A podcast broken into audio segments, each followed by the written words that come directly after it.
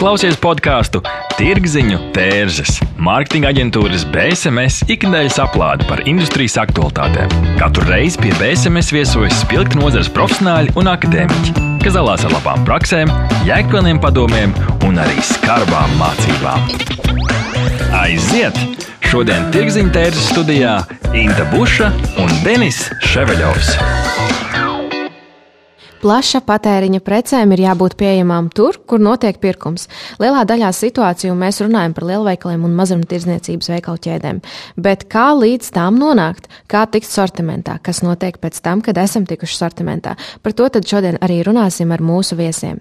Roberts Mednis, Mars Baltika reģionālais pārdošanas vadītājs Latvijā un Igaunijā, kā arī Vija Tirzmala, Universitātes turība lektora patērētāju uzvedībā un psiholoģijā. Uzreiz jautājums, vai jūs paši pievēršat uzmanību veikalā jauniem produktiem?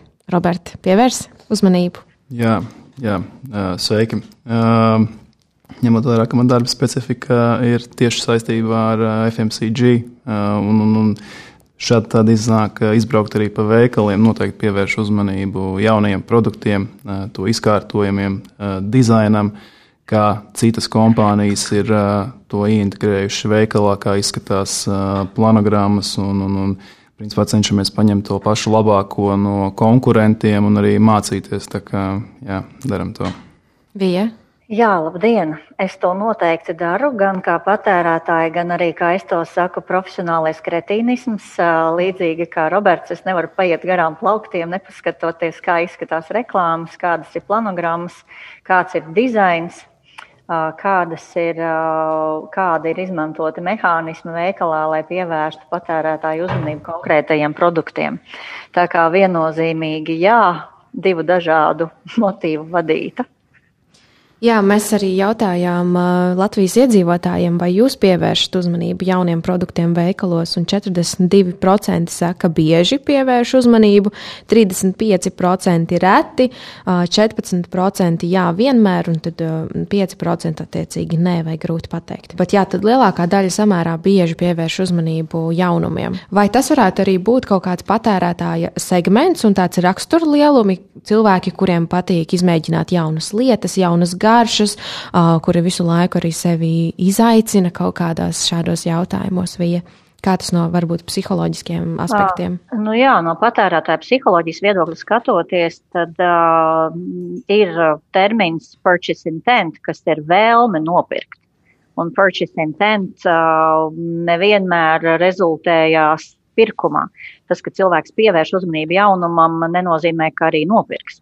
Jo, ja mēs skatāmies pēc procentiem, uh, cilvēki, kuri pievērš uzmanību un aktīvi iesaistās šajā pirkumā, ja tā ir tāda inovitāte, tad tas ir maksimums 13%. Un tas ir tiešām maksimums. Ja?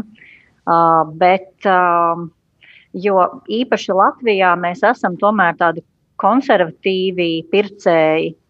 Un uh, mums paiet kāds laiks, kamēr mēs pierodam pie jauninājumiem un jauniem produktiem, Un, ja mēs atkal skatāmies no patērētāja psiholoģijas viedokļa, tad um, pētījumi saka, ka tās ir aptuveni 20 reizes vai 20 epizodes, uh, kurās pircējiem ir jāredz šis jaunais produkts, līdz viņš patiešām nobriest pirkumam.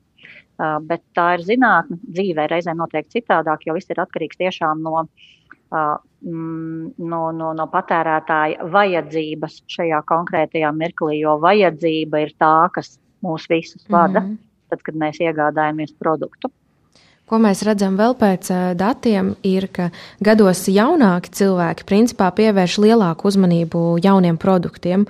Un uzreiz man tas jautājums, vai var apgalvot, ka vieglāk ir sasniegt savu pircēju un veikalos nostabilizēties tiem zīmoliem, kuri attiecīgi ir mērķēti uz jaunāku auditoriju, sevišķi tad, ja sortiments regulāri mainās.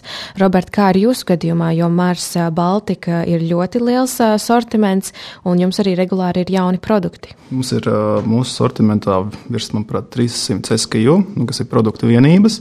Un es tieši gribēju papildināt, ka, manuprāt, tur jādala divas, divas lietas. Ir, viens arī ir tāds patērētāja vecums.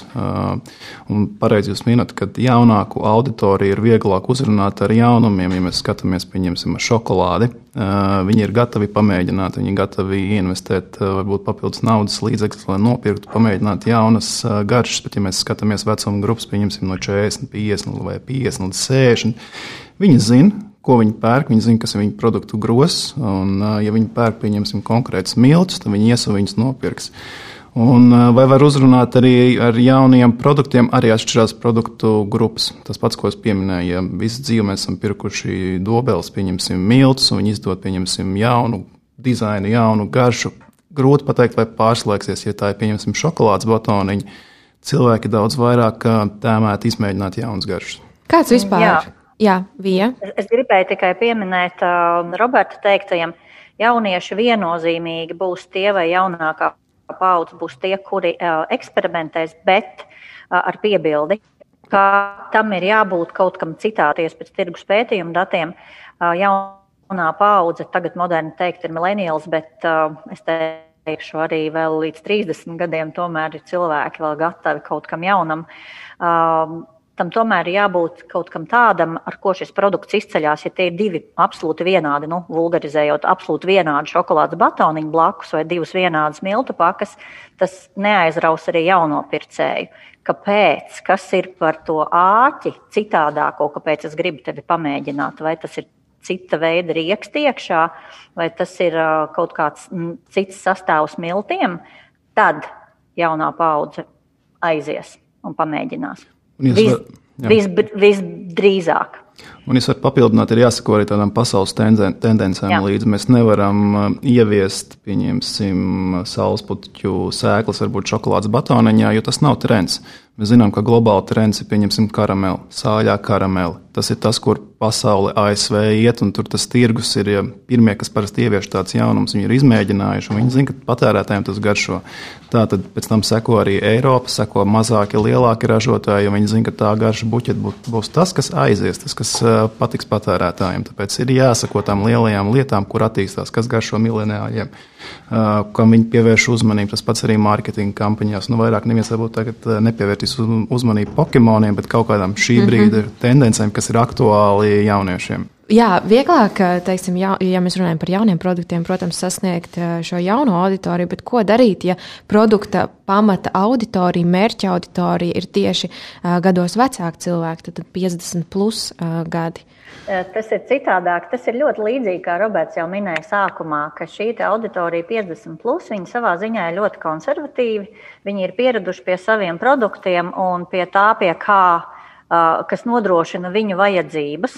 Šeit var īpaši veikalos, ja mēs runājam, tad mēs varam runāt par vizuāļiem. Mēs varam runāt par fona mūziku, bet atkal, ja mēs ejam lielajos ķēžu veikalos, tad mēs nevaram uzlikt mūziku, kur ir domāta tieši 50 plus cilvēkiem. Tā ir ļoti sarežģīta auditorija, kurā iet iekšā un salauzt viņu stereotipus, ir diezgan grūti. Šeit mēs varētu runāt par to, kā 50 un plus jau šodien sāk vairāk pievērst uzmanību savai veselībai. Un iespējams, ka tieši šodien tas ir viens no tādiem pārdošanas argumentiem, kurus mēs varētu vairāk minēt. Tieši jūsu veselības benefits, kas tas varētu būt. No otras puses, 50 plus viņu informāciju visbiežāk uztver ļoti tādu konkrētu, bez liekas informācijas reklāmas tekstos vai produktu aprakstos. Būtībā šī ļoti skaidrā un konkrētā mm, informācija bez liegvārdības, tas ir tas, kas uzrunā praktiski visus, visus, visu vecuma auditoriju. Šeit mēs runājam tiešām par to, kā nonākt tam jaunajam produktam līdz sortimentam. Skaidrs, ka mēs varam runāt no prizmas esošī mm, uzņēmumi, kas jau ir veikalu ķēdē un mazumtirdzniecībā, un tad viņi papildina savu sortimentu vai maina. Un mēs varam, protams, arī skatīties no citas perspektīvas uzņēmumu, kas vispār ražotāji, tad, kas vispār tur vēl nav. Un tad tas mans jautājums uzreiz ir jums, Roberta, varbūt var uzreiz padalīties no savas pieredzes, kā vispār sākt un kā strādāt ar mazumtirdzniecības ķēdēm un kā tikt līdz tam sortimentam, kāds ir tas ceļš. Ceļš īstenībā ir ļoti garš un um, sarežģīts.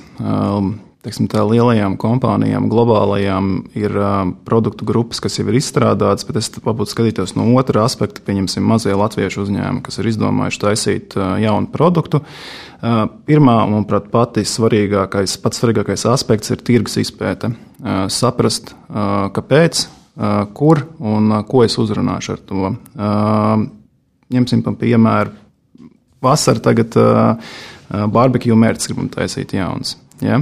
Jāsaprot, kas pirmkārt notiek ar konkurentiem veikalu plauktos. Cik liela konkurence no vietējiem ražotājiem, no ārzemes spēlētājiem. Jāsaprot, vai manu barbekju mērķis ir ir tajā tirgus segmentā, kas aug, vai varbūt jau pēdējos piecus gadus krītās un cilvēki pārslēdzās no barbekju mērcēm, nezinu, uz ķiploku mērcēm. Tas ir viens no pats svarīgākais, jo pēc tam, kad mēs dosimies pie lielajiem veikalu tīkliem un, un prezentēsim savu jaunumu, un, un, un kategorijas vadītāji pateiks, bet klausies, pēdējos desmit gados šis produkts krītās, un īstenībā pēc trim gadiem mēs viņu grasamies izņemt no sortimenta, no veikalu plauktiem vispār ārā. Manuprāt, tas ir pats svarīgākais veikt to izpēti pirms tam. Un te jau tālāk strādāt pie, pie garšām, pie, pie dizaina, pie ļoti svarīga arī cena. Latvijā tas ir ļoti svarīgi patērētājiem saprast, kādā cena grupā tu spēlēsi un pēc tam iet pa tādiem solīšiem, solīšiem tālāk. Tur, tas, tur principā, varētu uzrakstīt arī kaut kādu bakalaura darbu, kā nokļūt no ražošanas procesa līdz plauktam un arī pēc tam patērētājiem leduskapī, bet es teiktu, tas ir pirmais svarīgākais solis - tirgus izpēte. Ko darīt tiem uzņēmumiem, un varbūt Vija, tu vari padalīties ar savu pieredzi, kur tomēr viņu, teiksim, tā konkurētspējas priekšrocība ir visai nosacīta. Mēs zinām, ka mums Latvijā ir kaut kādas produktu grupas, kuras mums patīk ražot, mums patīk medu ražot, mums patīk rupmaizi ražot, mums patīk vīnus, mājas vīnus ražot arī. Un tad um, ir šie 20 ražotāji, kas visi grib būt sortimentā. Ko tad? Papildinot, gribu pateikt, ka principā, lai jauns produkts ieietu mazumtirdzniecībā, šeit ir jāatcerās, tie ir trīs līdz pat seši mēneši. Tā kā tas patiešām ir ilgs process, lai um, pieradinātu pircēju pie šī jaunuma, kas ir ienācis plauktos. Uh, ja mēs runājam par Latvijas ražotājiem, tad patiešām. Uh, tas uh, ienākt ar jaunu produktu tirgū, tas maksā ļoti dārgi, un ar to ir jārēķinās. Plus, tas ir tiešām ilgs process. Uh, vietējiem ražotājiem es noteikti ieteiktu nebaidīties riskēt un nebaidīties eksperimentēt. Jo agri vai vēlu eksperimenti attaisnojas, to pierāda, nu, piemēram, abavas vīni, ja, kuras gadus atpakaļ tā bija tāda kā joks, nu kā Latvijā mēs ražosim vīnus, un tagad mēs ļoti labi zinām gan šo zīmolu, gan arī Latvijā ražoti vīni vai mājas vīni ir kaut kas ļoti uh, pašsaprotams jau šodien, bet ir jābūt kādam, kurš ir pionieris celmlauzes šajā virzienā. Vēl es ieteiktu vietējiem ražotājiem patiešām izpētīt tirgu un apskatīties, kuras ir tās, vai nu viņi iet paši un cīnās, vai nu iet kopā ar tīkliem un tad precīzi izpētīt, ar kuru tīklu uh, viņi vēlas sākt šo darbu. Jo pircēji dažādos veikalos, kā mēs zinām, ir dažādi, ir dažā, ar dažādām patērētāju grupām, kur iepērkās konkrētajos veikalos. Um, vēl viens uh, būtisks uh, moments vietējiem ražotājiem tiešām izpētīt cenu grupu, kurā jūs varat ieiet un kurā jūs varat vinēt. Um, nākamais ir iepakojums un dizains. Kā jau Roberts minēja, bet kas ir šobrīd ļoti būtiski, ir jāskatās uz pasaules tendencēm, un pasaules tendence, un arī Latvijā tas ir aktuāls. Vai iepakojums ir pārstrādājums, vai tas ir ražots no pārstrādāta materiāla, kā šis konkrētais iepakojums ietekmēs apkārtējo vidi. Tas pat vairs nav dīvaini, kā patērētājs skatās ne tikai uz to, kas ir iekšā iepakojumā vai pudelē, bet arī no kā tas tiek ražots, vai tas ir bioloģisks produkts, vai šis produkts ir certificēts, ja tie ir zivs produkti, vai tas ir ASC un MSC certifikācija, un, protams, arī iepakojums. Es ieteiktu apskatīties um, sociālos mēdījus, digitālo mārketingu. Tas šobrīd ir ļoti aktuāls. Atkal jāskatās, kādā vecuma kategorijā mēs ejam, jo bez šaubām 50 plus cilvēki mazāk laika pavada sociālajos mēdījos, un tad iespējams tā nav īstā vieta, kur sevi reklamēt. Tad ir jārunā ar tīkliem, jo piemēram mums ir jau veikalos tiek veidotas sadaļa klēts, sadaļa vegāni, sadaļa bio, sadaļa etniskās virtuves un skatīties, kā tu tiec iekšā konkrēti tajās nišās. Bet, ja mēs jau orientējamies uz jaunāku paudzi, tad izvēlēties pareizos influencerus. Un um, šeit uh, ir ļoti svarīgi um, šī influenceru congruency, atbilstība produktam, es teikšu tā, ja, ka, ja mēs vēlamies reklamēt kaut ko ārkārtīgi veselīgu vai kvalitatīvu vai produktu ar pievienoto vērtību, arī emocionālo vai ētisko, tad tomēr ir ļoti svarīgi apskatīties, kas ir tās sejas un tie cilvēki, kurus mēs izmantojam uh, kā vietējos influencerus šo produktu reklamēšanā. Latvijā ir uzņēmumi, kuri diemžēl ar šo grēko, un iespējams tāpēc viņi arī nesasniedz tos rezultātus, kas būtu vēlami. Ja es varētu papildināt par sustainability, ko mēs runājam, tas ir Jā. diezgan karsts temats pēdējos piecus gadus, bet es teiktu, ka Baltija ir mazliet vēl bērnu autiņos. Mēs zinām, ka ļoti daudz Baltijas ražotāju tam pievērš, arī globālie ražotāji pievērš uzmanību, bet, diemžēl, šis nav tas uh, galvenais faktors Baltijā pagaidām. Uh, pie kā uh, tirzniecības ķēdes pieņem lēmumu uh, listēt vai nelistēt. Došu piemēru, kad uh, IKA grupa, kas ir uh, Baltijā Rimī, viņi pārstāvēt arī Skandināvijā. Viņi nāk no Skandināvijas. Un, lai Skandināvijas tirgu ar kafijas produktu tiktu regulārajā plauktā, tev ir jābūt pieciem vai sešiem certifikātiem, apstiprinātiem globāli, ko Rīgā grupa izskata, un tikai tad viņi pieņem lēmumu.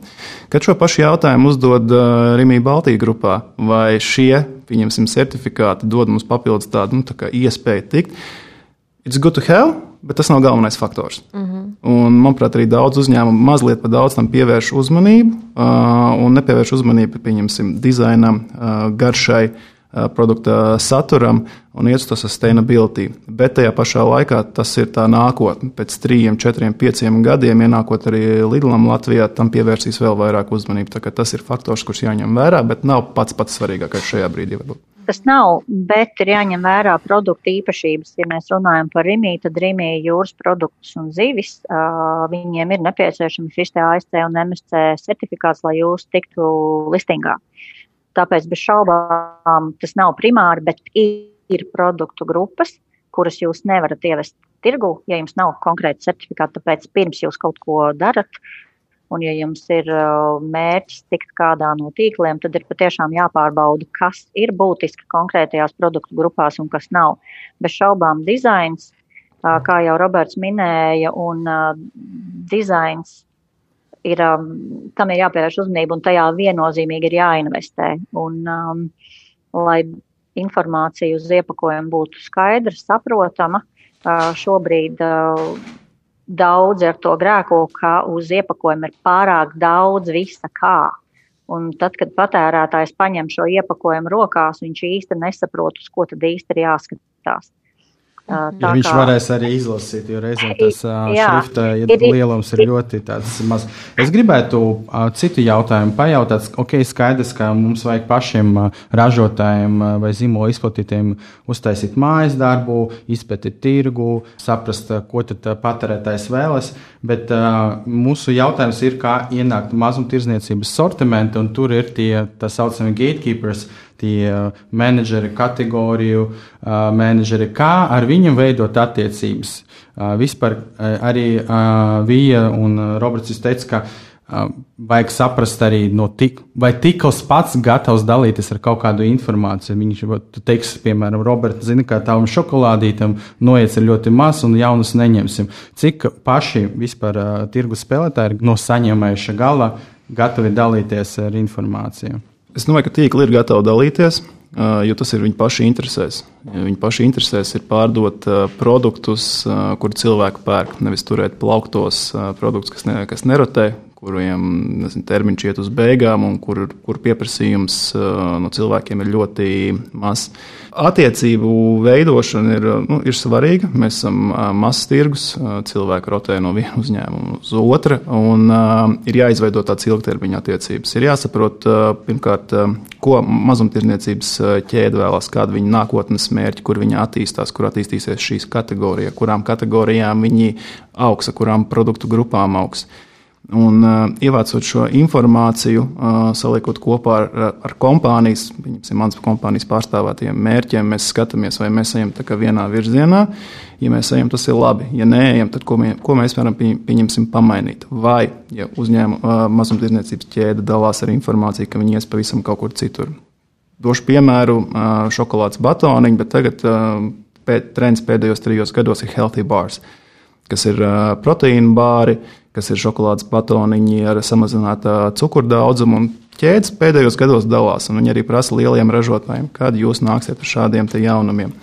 Ja mēs viņus pieņemsim, neuzklausīsim un turpināsim iesākt to, tad mēs kaut ko, kaut ko palaidīsim garām. Tāpēc ir ļoti svarīga tā komunikācija, ieklausīties un arī pēc tam piedāvāt šādas pašas lietas, lai nu, mēs sadarbotos kopā ar viņiem. Okay, nu jūs esat ļoti liels spēlētājs, arī jums ir savs spēks, bet, ja mēs runājam par, par maziem, par nezinu, Latvijas zīmoliem, vai tiešām tiem menedžeriem būs laiks parunāties un būt kontaktā ar kaut kādu pavisam nelielu uzņēmumu?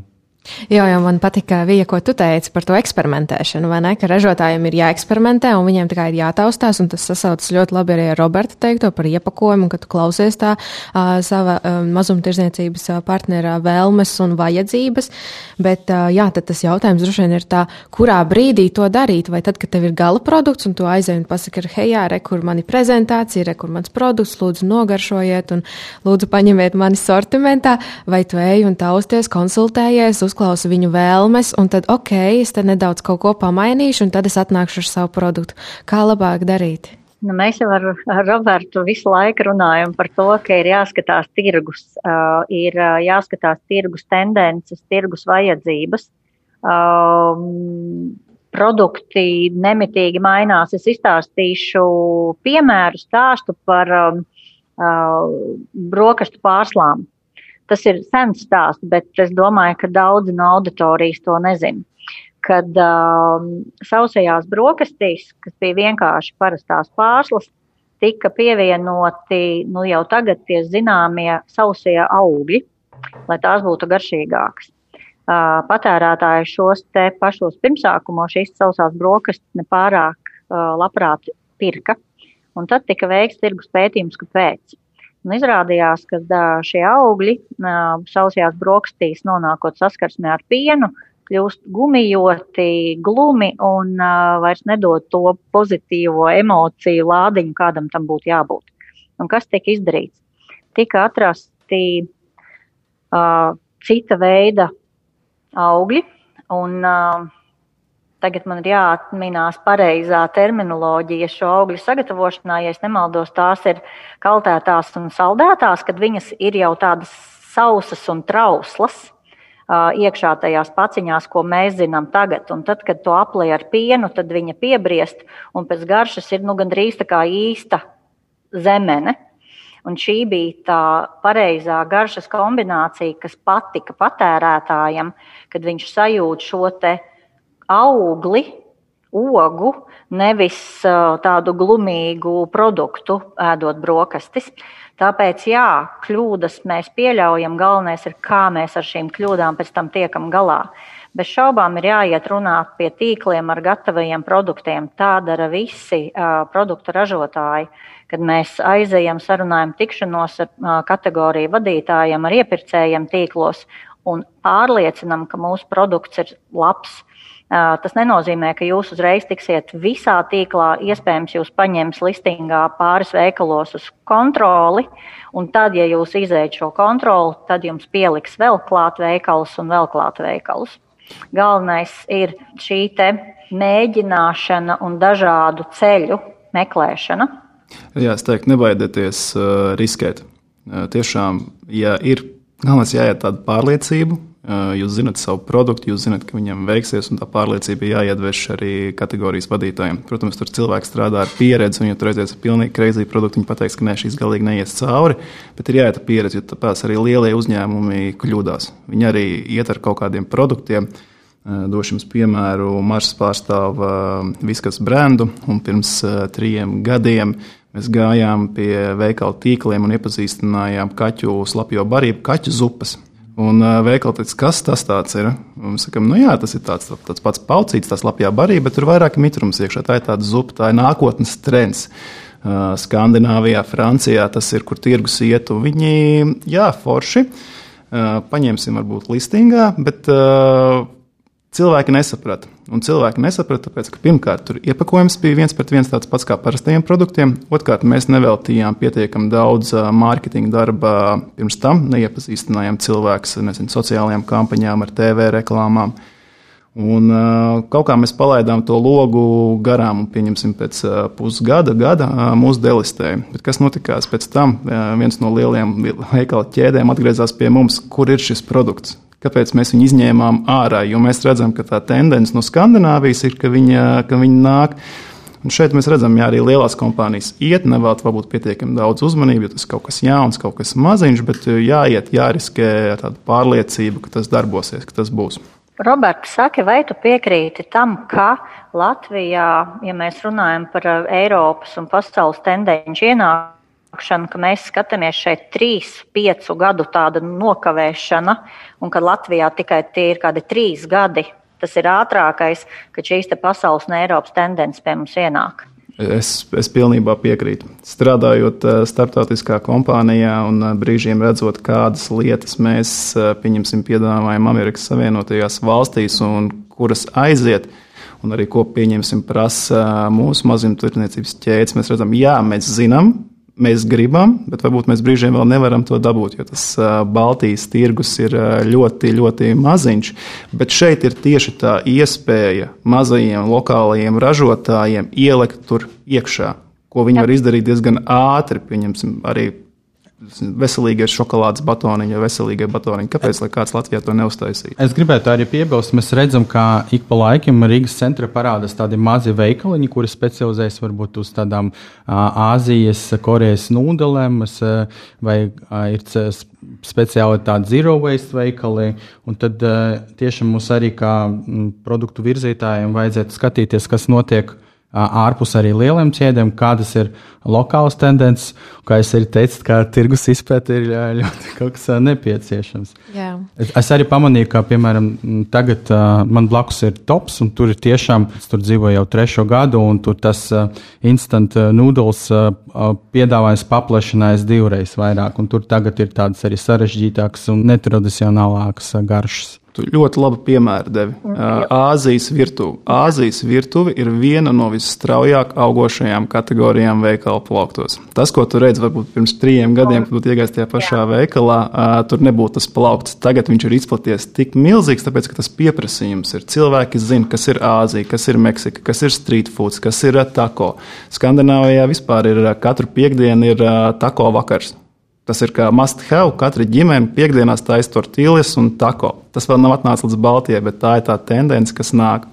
Tas, ko noteikti mūsu klausītājiem, sevišķi ražotājiem, vajadzētu likt aiz auss, ko mūsu viesi tātad norādīja, kas ir tas mājas darbs, lai uh, tiktu, cerams, līdz sortimentam, ir pirmkārt tirgus izpēta, otrkārt izpētīt uh, cenu grupu, kurā jūs vēlaties uh, darboties, noteikti jādomā par iepakojumu un tā dizainu, tad potenciāli mēs arī diskutējam par pārstrādājumību un ilgtspējas jautājumiem, un tad visbeidzot arī mārketings un atpazīstamība.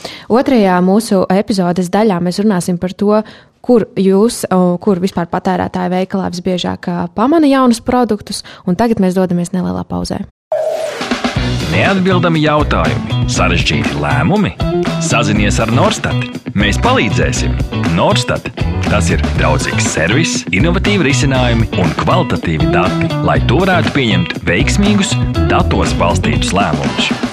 Pievienojies vairāk nekā simts Latvijas uzņēmumiem, kas uzticas vadošajam datu risinājumu nodrošinātājam Ziemeļeiropā. Mūsu mērķis ir atvieglot tavu dzīvi un ļaut pieņemt pareizus lēmumus.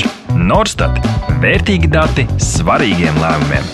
www.norstat LV Jautājot Latvijas patērētājiem, kur jūs veikalā visbiežāk pamanāt jaunus produktus, mēs secinājām sekojušo. Visbiežāk cilvēki pamana papildu izvietojumos, vismaz tā aptauja norāda stendos un paletēs to starp, un arī regulārajā plauktā blakus iepriekš esošajam produktam vai produktam, ko viņš jau tad regulāri iegādājas. Un redzam arī korelāciju, kas ļoti labi saskan ar to, ko mēs iepriekš jau pārunājam, ka jo vecāks cilvēks, jo biežāk nepamana jaunumus. Un tad man jautājums uzreiz jums ir, kur vislabāk izvietot jaunus produktus, lai tos pamanītu? Robert, kāda ir jūsu pieredze, kā jūs darat? Vai jūs uzreiz taisat papildu izvietojumus? Tā pieredze bijusi um, dažāda. Tāds, tas, kas būtu rakstī, rakstīts mācību grāmatā, kad uh, produktam uzreiz jāparādās uh, regulārajā plauktā, acu zonā, 15 sejās, redzams blokā.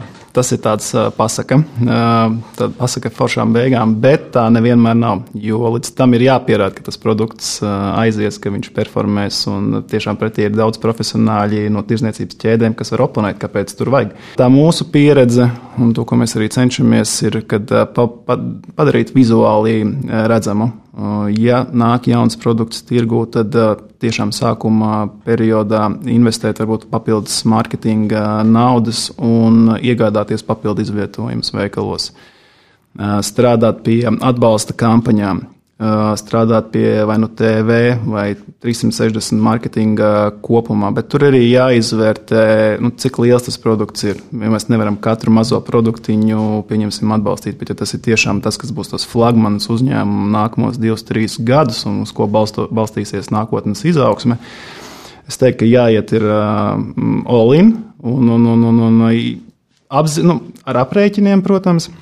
Bet jāpadara redzams. Jo tajā pašā laikā mēs skatāmies, ka konkurenti, ko dara, pieņemsim, vakar aizbraucot uz Rimijas spici, simts izvietojumi ir, ir ļoti vienādi. Uh, stāv uz paletēm, bet uh, ir izvietojumi, kas ļoti izceļas. Pieņemsim, ādašu čipsiem, uh, četri paletē, manā augumā divi metri, milzīgi, un tev ir grūti paietam garām. Tu paies garām, tu apstāsies, pievērsīs uzmanību, varbūt to čips paku paņems, bet ja būs kaut kas varbūt mazs, nepamanāms, varbūt tu neaizies līdz tam regulārajam plauktam, pakaļ tiem pašiem miltiem, tas būs nepamanām. Tāpēc ir, ir jāskatās, ir jāskatās, bet es teiktu, ir sākuma procesā noteikti ir jāinvestē. Vija, ko tu teiktu, kas eh, varētu veicināt to pamanāmību jauniem produktiem? Mm, Latvijā tas vēl nav tik ļoti populārs, bet pasaulē veikalos tā ir standarta lieta. Tas, tas saucamais, sauksim to par cross-selling. Ja, piemēram, mums ir pasta, tad mēs viņu pieliekam tuvāk mērcēm, vai mēs viņu pieliekam tuvāk vīniem. Un tad cilvēks, kurš iet garām vīnu plauktam, tad mm -hmm. oh, esmu gatavs Itālijas vakaram. Nākamais, ko vēl es ieteiktu, ko ļoti mm, rēties esmu redzējis Latvijā, bet kas ir populārs pasaulē, šie divi plus viens iepirkšana, ka, ja tu paņem vienu produktu, tad otrs tev, ja pareizāk, viens plus viens. Ja tu paņem vienu, tad otru tu dabūni bez maksas, vai ja tu pie viena vecā produkta kā dāvā, nu, pieliec klāt jaunumu, Tad, jo ko mēs vēlamies? Mēs vēlamies, lai patērētājs pagaršo. Un mēs viņu varam, nu, teiksim tā, pamudināt pagaršot. Ir tad, ja mēs tiešām pie kāda veca produkta, zināma produkta pieliekam klāt, vai arī, ja mēs uzdāvinam pie kases šie te, pārsteigumi pie kases, kad mēs ejam veiklā un jūs esat pie, nopirkuši konkrēta zīmola produktus par tik un tik, naudiņām, ja lūdzu jums šokolādītē dāvaniņā. Ja, šīs pozitīvās emocijas, kuras tu neesi gaidījis, bet pēkšņi saņēmis, patiesībā ir tāds labs mm, būsts, lai pēc tam cilvēku šo produktu nopirktu. Bet šeit ir ļoti svarīgi atcerēties vienu lietu. Jūs, patērētāji, varat piemānīt ar sliktu kvalitāti un sliktu garšu nu, vienu reizi, nu, divas. Tad, tad ir jāatbilst šim produktam tam, ko patērētājs no šī produkta gaida. Tai garšai jābūt labai, tai kvalitātei ir jābūt labai, un tam, kam šis produkts ir domāts, ir jāatbilst. Ja, ja jūs nopērkat miltus, kuriem ir rakstīts, ka viņi ir ar, ar pievienoto cepam pulveri, bet tev kūka nesanāk, ja, tāpēc, ka mīkla nav sacēlusies, tad otro reizi neriskēs cilvēks to pirkt. Un par to ir jāatcerās. Bet jā, šādi mazie triki ārpus papildus izvietojumiem Jā, noteikti varētu strādāt. Ja es varētu papildināt, ja tas ir jauns produkts, bet tas pats uzņēmums ir ražojis kaut ko iepriekš, bet mainās, pieņemsim, garš, nezinu, izmērs vai kaut kas tāds. Tas viens no trikiem ir, pieņem, ja ir papildu izvietojums, tad daļu no tiem produktiem tu, tu neliec, pieņemsim, visus jaunumus. Bet, tu tā, ja tu pērci rīzlingu vīnu, ko, ko tu pirci pēdējos trīs gadus, tu noliec, pieņemsim, pusi paleti ar to veco rīzlingu vīnu, bet tu pieliec arī to jauno klāt. Un tas cilvēks Jā. ies meklēt to veco, bet viņš ievēros, ka kaut kas jauns ir. Un tad viņš varbūt pamēģinās arī to. Tas ir tāds mazas, mazas, mazas nianses, bet tas ir kā mēs tajā desmit tūkstošu SKU sortimentā varam to cilvēku uzmanību pievērst pie tiem viņa saucamajiem habitiem. Mhm. Un degustācijas tās, kas bija pirms tam, un, diemžēl, Covid laiki mums degustācijas veikalos ir atcēluši, kā iespēju iepazīstināt ar jaunumiem un labi, labi ejošiem produktiem, bet iespējams kādreiz tas atgriezīsies, un degustācijas viennozīmīgi ir arī viens no instrumentiem, kā iepazīstināt ar jaunumiem. Mēs, protams, arī zinām, ka nevis, nu, nevienmēr produkts uzreiz nokļūst regulārajā pamata sortimentā. Bieži tas vispirms ir kaut kāds inauts vai, vai kampaņu veids pasākums. Un ko jūs ieteiktu uzņēmumiem šajā periodā? Kā no tā dabūt, teiksim, maksimāli ārā? kas būtu tas, ko vajadzētu ņemt vērā, un kas no jūsu pieredzes pavisam noteikti strādā vai nestrādā? Pats tāds basics noteikti ir, ja tas ir inauta akcija, kad ir jāpiedāvā pirmkārt akcija. Jo latvieši mēs vēl joprojām ļoti lielu daļu pērkam uz akcijām. Kafiju pieņemsim, pērk 85% cilvēku tikai uz akcijas cenu. Regulārais, iepir, regulārais pirkums nav kā tāds, principā. Viņš neeksistē, varbūt pat 90%. Tad svarīgi ir akcijas cena. Mēs arī runājām par, par, par, par plauku cenu. Ir svarīga arī pareizā akcijas cena. Jo varbūt konkurence tajā pašā laikā, nezinu, mīnus 15%, ja tu aizies ar mīnus 10%. Nu, viņš izvēlēsies to, ko viņš labāk zina. Jābūt arī attraktīvai um, akcijas uh, cenai. Un, uh, Jā, nu es teiktu, ka šie soļi e, ir, ir pagaidām tāds, nu, svarīgi pie inautiem. Un pie inautiem arī nepadoties. Es teiktu, mums ir ļoti daudz tirdzniecības ķēdes. Ja viena ķēde pasakā, nē, mums tas nav vajadzīgs, mums tomēr ir vēl kaut kādas septiņas, astoņas, pie kurām var iet. Varbūt divas lielākās pateiks, sākumā, no, no, no, bet trešā, ceturtā paņems, un pēc tam arī lielie būs ieinteresēti. Mm -hmm. Kas bez, ja bija vēl bez akcijas cenas, varētu būt tāds ieteikums, jo es arī esmu dzirdējis gana daudz uzņēmumus, kas saka, oi, man mazumtirdzniecības ķēdes laiki grib tās akcijas, gribas laiku labāku cenu. Ķēdes var saprast, viņš jau arī interesē nopelnīt. Pirmkārt, es teikšu, ka šādi te kari ar cenām, nu, aptuveni tas ir kā izsolē, kurš solīs mazāk, ja? Uh, bet uh, tas nav nepieciešams, jo patiesībā, jo mazāku cenu jūs liksiet savam produktam, jo patiesībā reizēm tas nospēlēs sliktu joku, jo ja kaut kas maksā lēti, tad uh, tas nemaksā neko. Jā, tātad šim produktam ir slikta kvalitāte, ja viņš ir tik lēts. Mēs paši, cik bieži esam izteikušies, es neesmu tik bagāts, lai pirktu lētu preci. Ja? Uh, Tāpēc šī, šajās lamatās arī būtu uzmanīgi un neiekrist. Nākamā lieta, ja mums ir lielās ķēdes un mēs tajās netiekam iekšā ar cenu, atceramies, ka mums ir gana daudz mazu neatkarīgu veikaliņu, ar kuriem mēs varam sākt.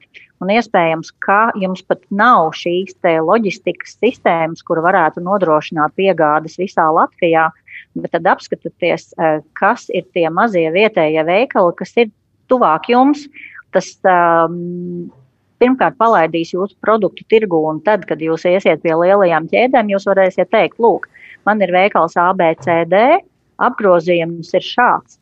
Uh, Otrkārt, uh, tas patiešām samazinās jūsu izdevumus transportam, un jūs arī iegūsiet lielāku pieredzi, kā runāt ar um, veikalu sava produkta pārdošanā. Tas ir mazi veikaliņi, tas jums ir, nu, uzskatīsim to par sporta zāli, kurā jūs varat trenēties pārdošanā. Nevajag baidīties no maziem veikaliem. Uh, protams, visi grib uzreiz Rīgā, Stokmanī, Maksimā, bet uh, varbūt ir jāpatrenējas kaut kur citur, un treniņš ir laba lieta.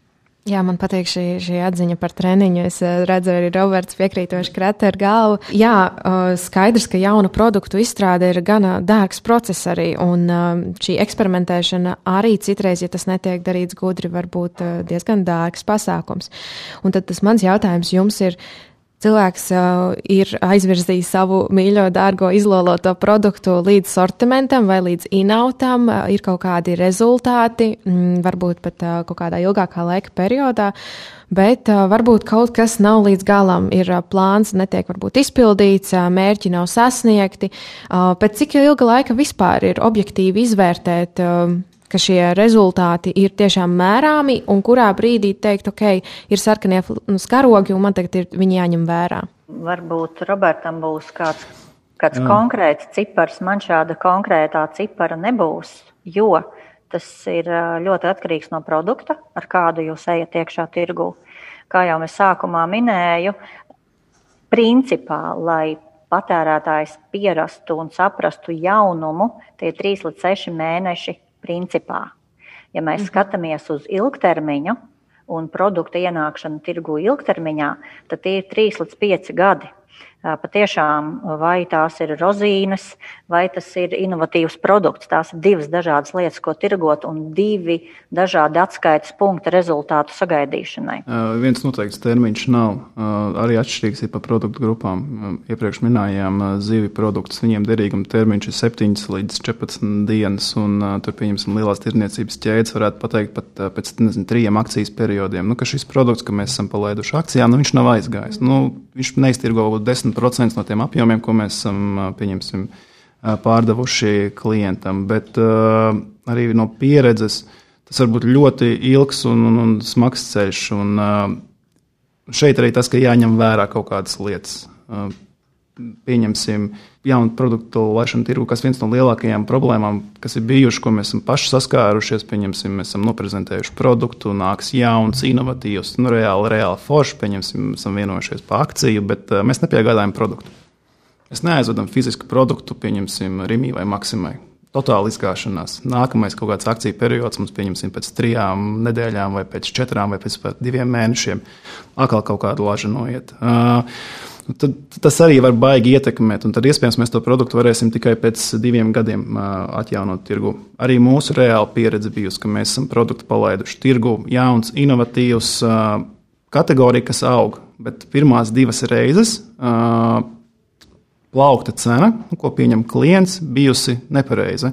Un patērētājs nav nolasījis, kāds ir tas viņa benefits pret parastajiem produktiem. Uh, Un tā mums bija četru gadu mācība. Mēs pirmo reizi lančojām, nesenāca, otro reizi. Ne. Un tad trešajā reizē par pareizo plauktu cenu, kur tas klients redzēja to savu benefitu, viņš aizgāja. Viņš ļoti labi iet. Tas, tas var būt dažādi.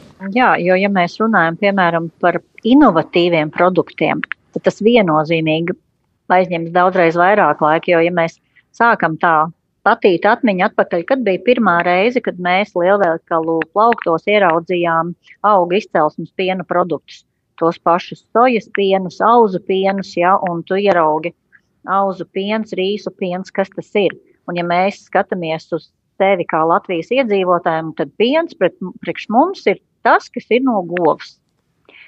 Kur pretīm šodien uh, mēs ieejam jebkurā veikalā, un šis augu izcelsmes piens uh, ir no N ražotājiem ar N garšām un no virknes au, augiem. Ja? Un, un, un šodien tā ir norma. Tas pat ir drīzāk dīvaini, ja tu veikalā ieejot, neieraudzīs sojas pienu.